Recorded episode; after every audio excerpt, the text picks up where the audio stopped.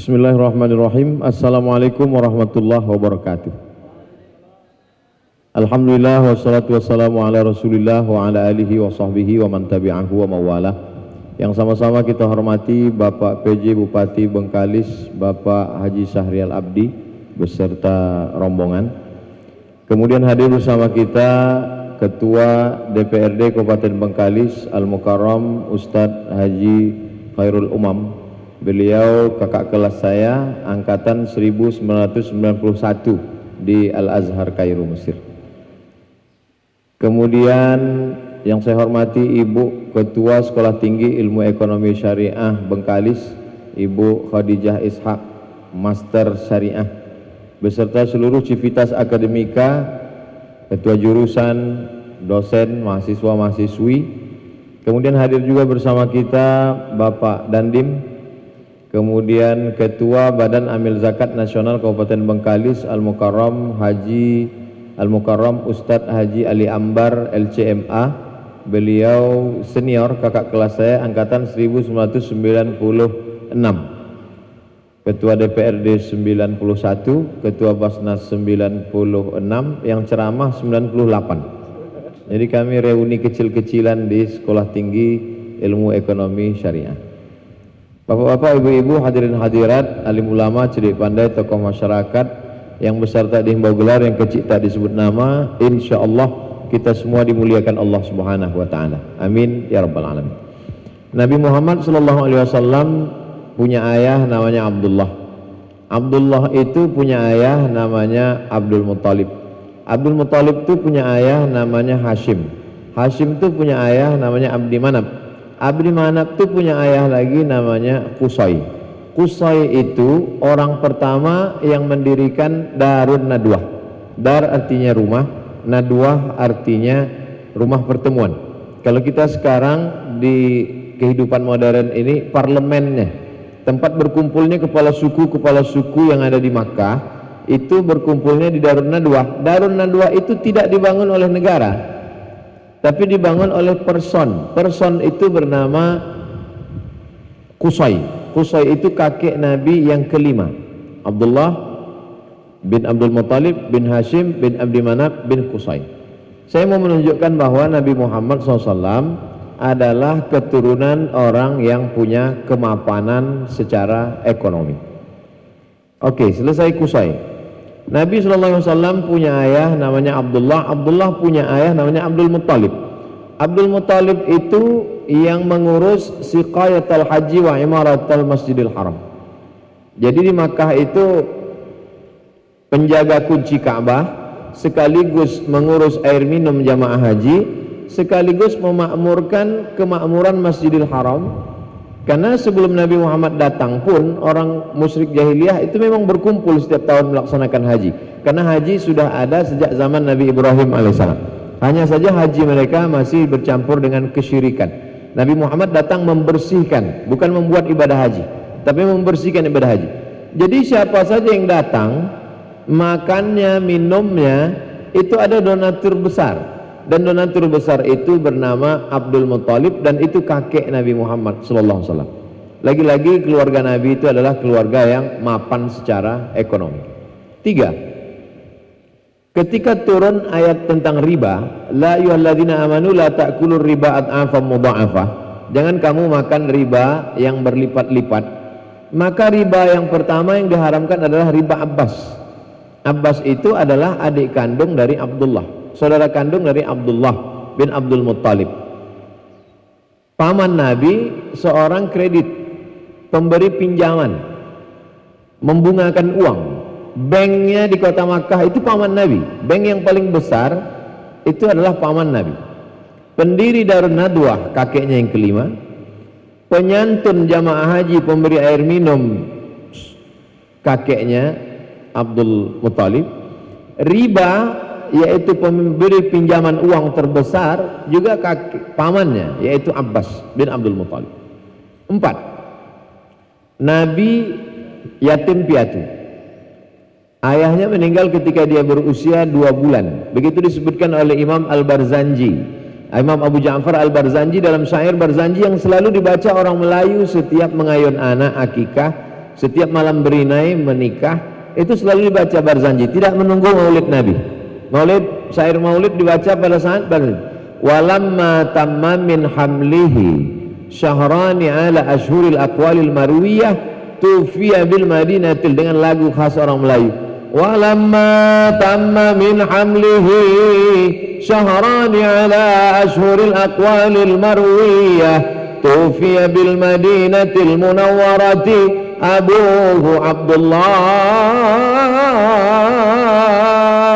kata orang lain di situ orang kalau sudah mendengar itu yang terbayang orang pulut kuning panggang ayam karena malam berhatam kaji, malam berinai, malam mengayun anak. Padahal sebenarnya di sana sedang cerita tentang ekonomi. Pada usia dua bulan dia dalam kandungan, meninggallah ayahnya di kota Madinah meninggal dalam rangka apa? dalam rangka bisnis dagang poin yang keempat bahwa kak ayahnya meninggal dalam perjalanan dagang dalam perjalanan berjualan. Lima. Nabi menikah dengan Khadijah. Umur Khadijah 40 tahun Nabi 25 tahun. Bagaimana mungkin seorang laki-laki ganteng umur 25 tahun mau dengan perempuan janda umur 45 umur 40, tahun, jaraknya 15 tahun. Itu menunjukkan bahwa Khadijah itu cantik sekali. Kenapa dia cantik? Karena duitnya banyak. Orang berduit itu biasanya cantik. Walaupun ada juga tak cantik berduit. Tapi yang jelas Nabi mau dengan Khadijah Khadijah itu ibu kita, Ummul Mukminin, wa azwajuhu ummahatukum. Istri Nabi itu adalah ibu kamu. Makanya tidak boleh menikahi istri Nabi ketika Nabi sudah meninggal. Khadijah itu ibu kita dan dia sangat cantik. Maka menikah dengan Nabi. Pertemuan Nabi dengan Khadijah itu pertemuan bisnis. Karena yang punya barang-barang itu Khadijah, yang membawanya berjualan berdagangan itu Nabi Muhammad SAW. Khadijah heran, kenapa barang ini laku keras? Akhirnya dia tanya ke Maisarah. Maisarah, Maisarah itu laki-laki. Sampai di Bengkalis jadi perempuan. Maisarah kenapa barang ini laku terus? Aku mau jumpa sama orangnya siapa yang menjualkan kata Maisarah itu orangnya mana orang yang menjualkan barang-barang itu yang selalu laku harganya bukan main? Itu orangnya begitu Khadijah menengok Nabi SAW nampak. Itu orangnya. Iya sampaikan sama dia aku mau nikah dengan dia. Lalu kemudian Maisarah pun menyampaikan, Muhammad sallallahu ini yang punya barang-barang selalu kita bawa ini suka dengan engkau dan yang mau menikah dengan engkau. Nabi pun menyampaikan ke paman-pamannya, lalu kemudian dipinanglah Khadijah, maharnya 20 ekor onta. Satu ekor onta itu yang tahu harga onta ini Ustadz Ali Ambar karena dia banyak ngurus onta dulu. Kalau satu ekor onta 50 juta kali 20 ekor itu berarti satu miliar. Saya terus terang segan mau menyampaikan cerita mahar satu miliar ini soalnya ini berpengaruh kepada anak-anak muda yang mau nikah nanti menaikkan harga mahar. Tapi nanti akan saya bacakan juga hadis yang menganjurkan mahar murah, jangan khawatir. Cuman saya mau bercerita bahwa Nabi jumpa Khadijah itu urusan bisnis ekonomi dan maharnya satu miliar kalau dihitung lagi dengan beberapa ukiyah emas beberapa on emas mahar nikah itu lebih dari satu miliar. Lalu sekarang anak-anak umat Islam menikah dengan seperangkat alat sholat dan kitab suci Al-Quran. Betapa jatuhnya harkat martabat perempuan. Mudah-mudahan ibu yang sudah menikah dengan bapak pulang dari sini tidak menuntut lebih gara-gara cerita ini.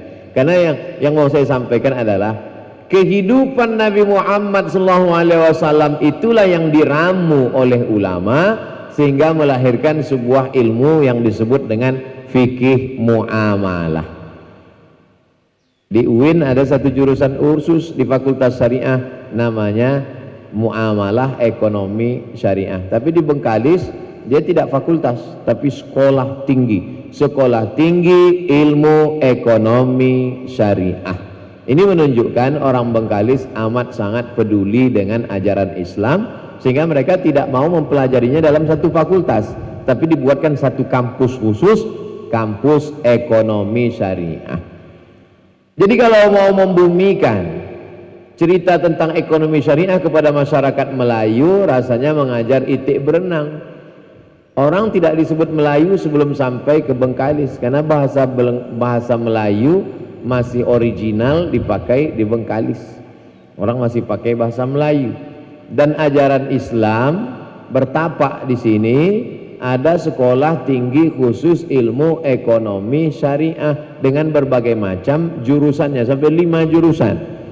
Akuntansi syariah, perbankan syariah, manajemen bisnis syariah, manajemen keuangan syariah, hukum ekonomi syariah.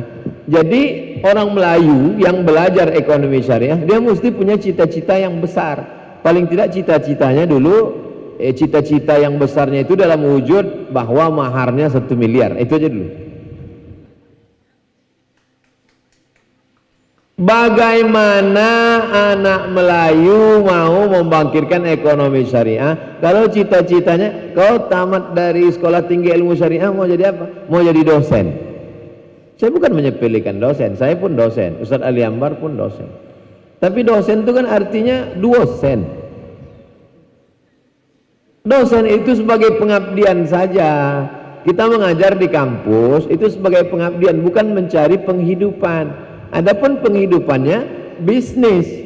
Kenapa demikian? Karena memang umat Islam kalau mau mengikut nabinya adalah pebisnis sering kali kalau dibacakan ayat laqad kana lakum fi rasulillahi uswatun hasanah. Dalam diri Muhammad SAW itu ada suri tauladan yang baik contoh model yang baik. Sunnah selalu dipahami jubah sunnah selalu dipahami jenggot sunnah selalu dipahami sorban. Jenggot, sorban, pakai baju putih, pakai imamah itu sunnah tidak ada ikhtilaf tapi sunnah terbesar adalah sunnah bagaimana hidup berekonomi seperti ekonominya Nabi Muhammad sallallahu alaihi wasallam. Dan itu dibangun di sini. Makanya alumni-alumni dari sekolah tinggi ilmu ekonomi syariah dia menampilkan mengiklankan bagaimana kehidupan ekonomi Nabi Muhammad sallallahu alaihi wasallam. Selalu digambarkan Nabi Muhammad itu miskin susah melarat perutnya diikat dengan batu. Betul perutnya diikat dengan batu karena dia lapar. Itu kapan? waktu perang khandak perang khandak waktu itu sedang susah. Melawan kafir musyrik. Disebut juga dengan perang ahzab. Ahzab jamak dari hizib. Hizib artinya partai. Ahzab artinya koalisi partai-partai. Karena waktu itu ada empat partai yang berkoalisi untuk menghantam Nabi. Partai kafir musyrik partai Yahudi Bani Nadir, Bani Quraizah, Bani Qainuqa, Bani Khaybar partai orang uh, munafik partai kafir musyrik dari Makkah mengepung Nabi Muhammad sallallahu alaihi wasallam. Disebut dengan perang Ahzab. Partai-partai koalisi menghantam Nabi. Disebut juga dengan perang Khandaq karena ketika itu menggali parit. Memang betul Nabi mengikat batu di perutnya. Tapi yang dimaksud dengan kehidupan Nabi pakai jubah compang camping perut diikat batu itu bukan Nabi miskin ini banyak umat Islam yang tidak bisa membedakan antara zuhud dan miskin. Itu Ustaz Somad, itu orang kampung kami itu zuhud Pak Ustaz. Gak ada duitnya, rumahnya uh, uh, lapu. Itu bukan zuhud, itu fakir miskin. Yang zuhud itu adalah dia punya tapi dia tidak mau punya dia tapi dia tidak mau karena menahan hawa nafsunya. Itu yang zuhud itu. Nabi Muhammad bukan miskin Nabi zuhud. Ada Nabi itu punya. Nabi punya. Baca kitab Ar-Rahiq Al-Mahtum ditulis Syekh Safiyur Rahman Al-Mubarak Furi. Apa bunyi teksnya? La taqillu an khamsina alfi dinarin zahabiyyin Nabi ketika perang Badar tahun kedua dia dapat harta wanimah rampasan perang la taqillu tak kurang. An khamsina alfi 50 ribu keping dinarin zahabin emas. Satu dinar itu 4,25 gram. Sekarang satu gram satu juta. 4,25 gram berarti 4 juta 250 ribu. Karena kita udah kenal lama berkawan 4 juta aja lah Satu keping uang dinar zaman Nabi 4 juta. Kata dia di dalam kitab Ar-Rahiq Al-Mahtum, Nabi mendapat harta rampasan perang 50 ribu keping. 4 juta kali 50 ribu keping. Berapa itu?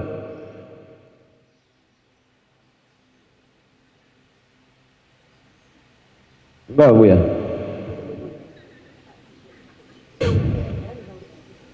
4 juta kali 50 ribu. Eh, Hah? 200 miliar. 200 M. 200 M. 4 juta kali 50 ribu keping. 200 miliar. 200 miliar dapat harta rampasan perang. Berapa jatah Nabi Muhammad wasallam? Wa'lamu annama ghanimtum min syai'in fa inna lillahi khumusahu Nabi mendapat jatah humus humus seperlima 20% jatah Nabi. Tapi ketika anaknya datang Fatimah Ya Rasulullah kasihlah aku harta rampasan perang itu. Suamiku Sayyidina Ali miskin. Aku tak sanggup membuat adonan tepung gandum aku pun tak sanggup menimba air karena kami susah. Apa kata Nabi? Fatimah kau sebelum tidur malam bertasbih 33 tahmid 33 takbir 33 sebelum tidur kan tak connect. Anak minta harta rampasan perang dikasih tasbih. Beda sama pejabat sekarang minta tasbih kasih duit. Nabi punya tapi dia tidak mau. Itu zuhud namanya. Bukan barang itu tak ada baru disebut zuhud. Makanya ketika Sayyidatuna Aisyah jalan-jalan di pasar jumpa sama orang bajunya compang-camping tertunduk lesu di samping pasar Lalu kemudian Aisyah bertanya, "Man hadha? Who is this?" Siapa ini? Dijawab sama orang di situ, "Huwa azhadun nas." Inilah orang yang paling zuhud. Kata Aisyah, "Karena Umar azhadun nas." Umar bin Khattab itu orang paling zuhud.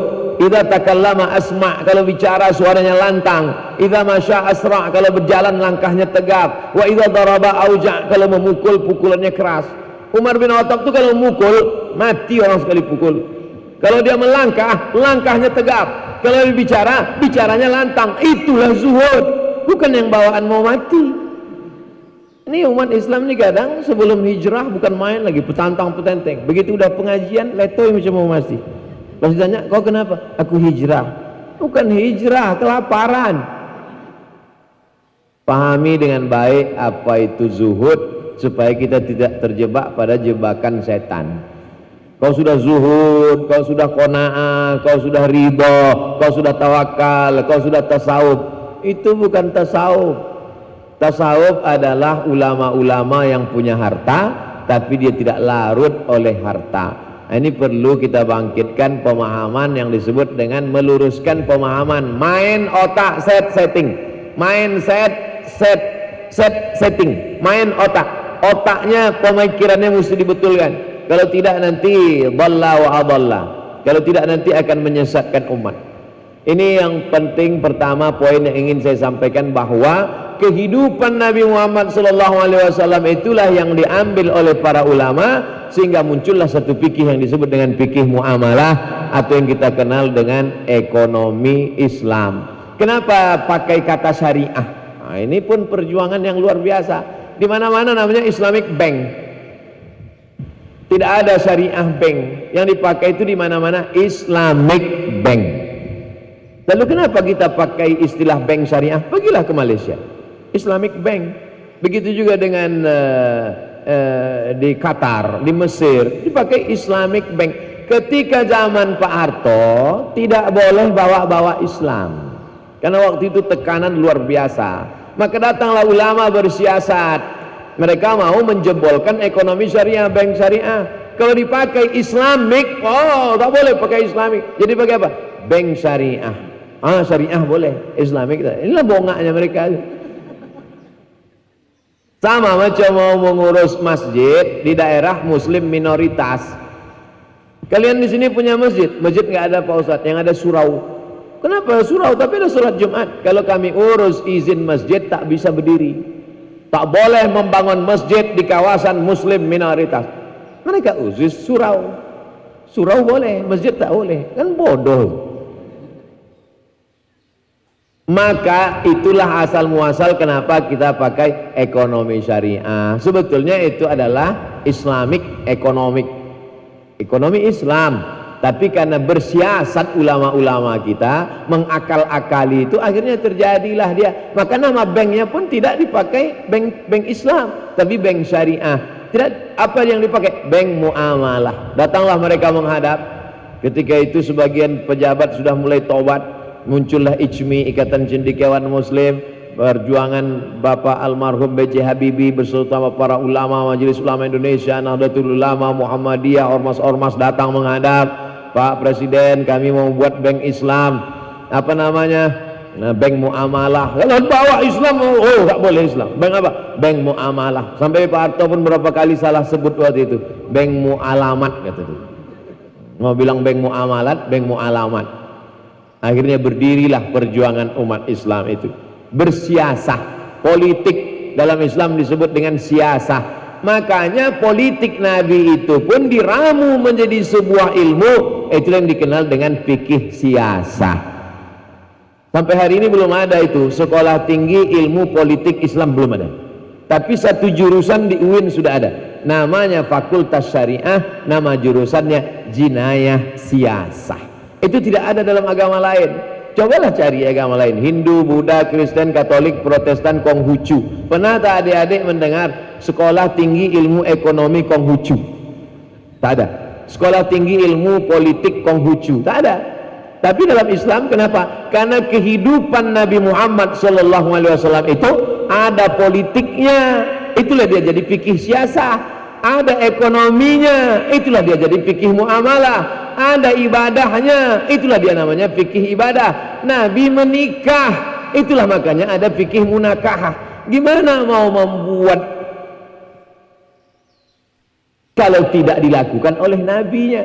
Makanya kehidupan nabi itu seperti permata yang punya banyak sisi. Ada sisi tasawufnya ada sisi jihadnya ada sisi kerasnya ada sisi lunaknya. Kebetulan sekolah tinggi ilmu ekonomi syariah Bengkalis mengambil aspek ekonominya. Karena Nabi Shallallahu Alaihi Wasallam itu dari awal kehidupannya itu memang ekonominya adalah mandiri sengaja dibuat Allah ayahnya meninggal emaknya meninggal kakeknya meninggal dia tinggal dengan pamannya yang pamannya miskin namanya Abu Talib susah anaknya banyak supaya apa? supaya dia mapan secara ekonomi Orang tidak heran dengan Nabi Sulaiman, King Solomon.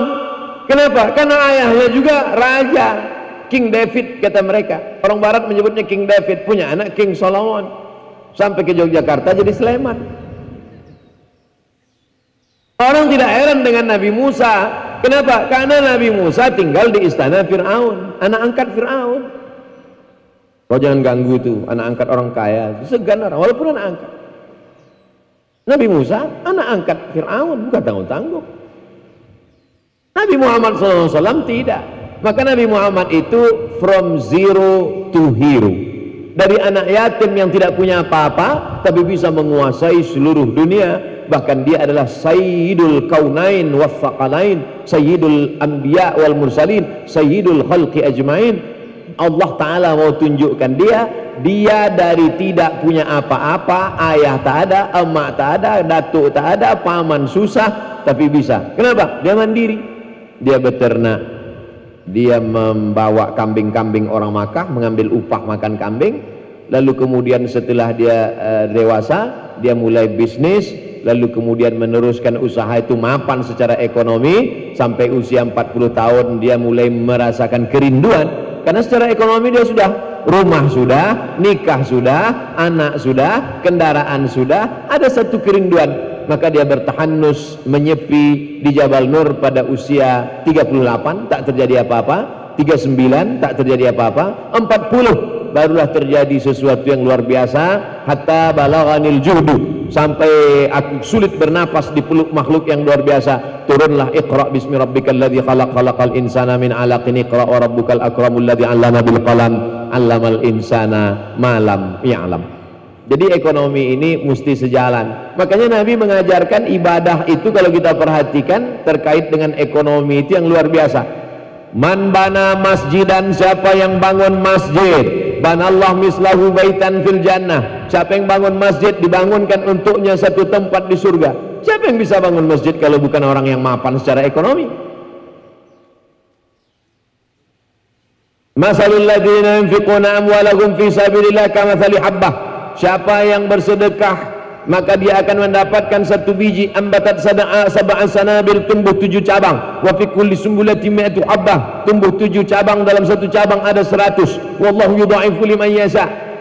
At-tajirus saduqul amin. Seorang pedagang yang jujur dan amanah. Ma'an nabiyyin. Dia nanti dibangkitkan di akhirat bersama para nabi. Wasiddiqin. Bersama orang yang benar. Wasyuhada. Bersama orang mati syahid. Wassalihin. Bersama orang saleh.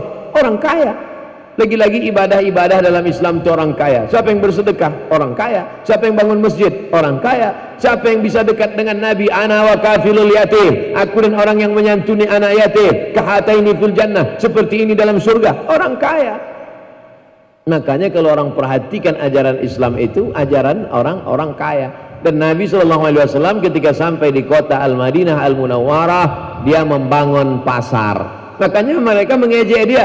Masa Nabi jalan-jalan di pasar? Yamsuna fil aswaq Nabi kok jalan di pasar? Karena zaman itu seorang Nabi itu kerjanya hanya beribadah di som'ah. Som'ah itu tempel kuil. Tidak ada waktu itu Nabi yang jalan-jalan di pasar. Tiba-tiba ini aneh satu Nabi ini. Masa Nabi jalan-jalan di pasar? Masa Nabi memasukkan tangannya ke tempat jualan masuk Nabi ke dalam pasar kota Madinah dimasukkannya tangannya ke tempat jualan gandum ke tempat jualan korma maka orang waktu itu menganggap aneh. Karena zaman itu orang ahli ibadah kerjanya hanya berzikir mengingat Tuhan saja. Tapi ini satu Nabi ini aneh. Ngapain dia masuk ke pasar sampai memasukkan? Bahkan dia mengajarkan kalau keluar masjid minta rezeki Allahumma inni as'aluka min fadlik. Dia mengajarkan kalau selesai solat mesti pergi ke pasar. Idza qudiyatis shalah kalau solat sudah dilaksanakan fantasiru fil ard. Bertebaranlah kamu di atas muka bumi Allah. Wa bataghu min fadlillah. Carilah karunia Allah Subhanahu wa taala. Sekarang kita hanya baru bisa menceramahi jamaah.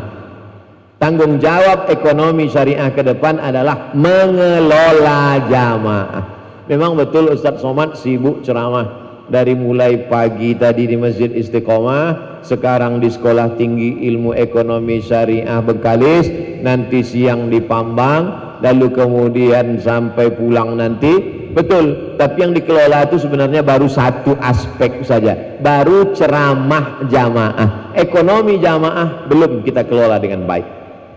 Nanti kalau saya sebut saya khawatir Sekolah Tinggi Ilmu Ekonomi Syariah tersinggung kita cerita ekonomi syariah, tapi air minum kita punya orang lain.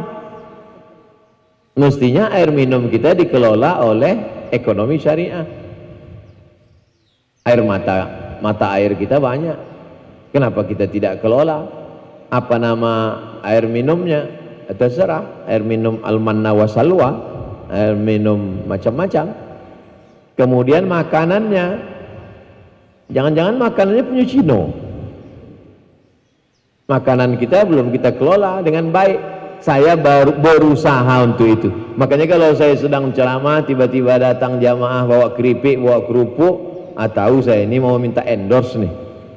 Jamaah di mana pun berada belilah ke warung tetangga bangkitkan ekonomi umat dapatkan keripik ini di toko terdekat hubungi nomor online berikut ini makanya jangan heran kalau Instagram saya itu banyak sekali endorse-endorse endorse dodol, endorse kerupuk, endorse air minum, endorse macam-macam. Karena memang prinsip dakwah saya tiga. Pertama, perbaikan pendidikan. Kedua, perbaikan ekonomi umat. Yang ketiga, perbaikan politik. Pilih anggota dewan legislatif yang peduli pada ajaran Islam. Pilih calon-calon kepala daerah yang peduli pada Islam. Itulah yang menyebabkan orang marah dengan saya. Orang mau saya jangan usik masalah ekonomi dan politik. Ustadz kok cerita politik? ceramah masalah darah aja lah darah haid, darah bisul, darah ayam, darah nyamuk tak usah bahas-bahas masalah itu antara yang celana di atas mata kaki dengan di bawah mata kaki berkelahi aku tahu lah yang tak bercelana berkelahi antara berjenggot tak berjenggot aku nengok kau ni berjenggot macam kucing macam kambing aku tengok. Kata yang berjenggot? Kau tak berjenggot? Macam anjing gitu ah berkelahi berjenggot tak berjenggot. Kalau kucing sama anjing berkelahi yang ketawa babi. Memperbaiki kualitas pengajian adalah salah satunya dengan ekonomi syariah. Makanya kalau saya pengajian Ramadan dulu di majelis dakwah Islamiyah saya termasuk penggodok isi malam-malam Ramadan. Saya masukkan itu. Dalam satu malam itu ada puasa dan ekonomi syariah puasa dan politik Islam puasa dan kesehatan. Supaya orang jangan membahas khilafiyah khilafiyah khilafiyah. Khilafiyah bukan berarti tidak dibahas. Saya bahas. Buku saya 37 masalah populer masalah khilafiyah. 99 tanya jawab sholat masalah khilafiyah. 66 tanya jawab uh, umroh masalah khilafiyah. 33 masalah sakratul maut. Sebetulnya saya sebutkan itu untuk iklan jualan buku saya juga.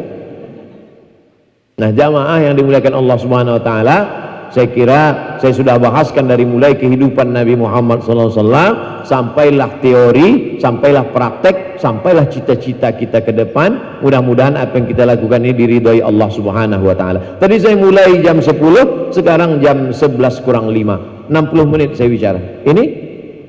Pertanyaan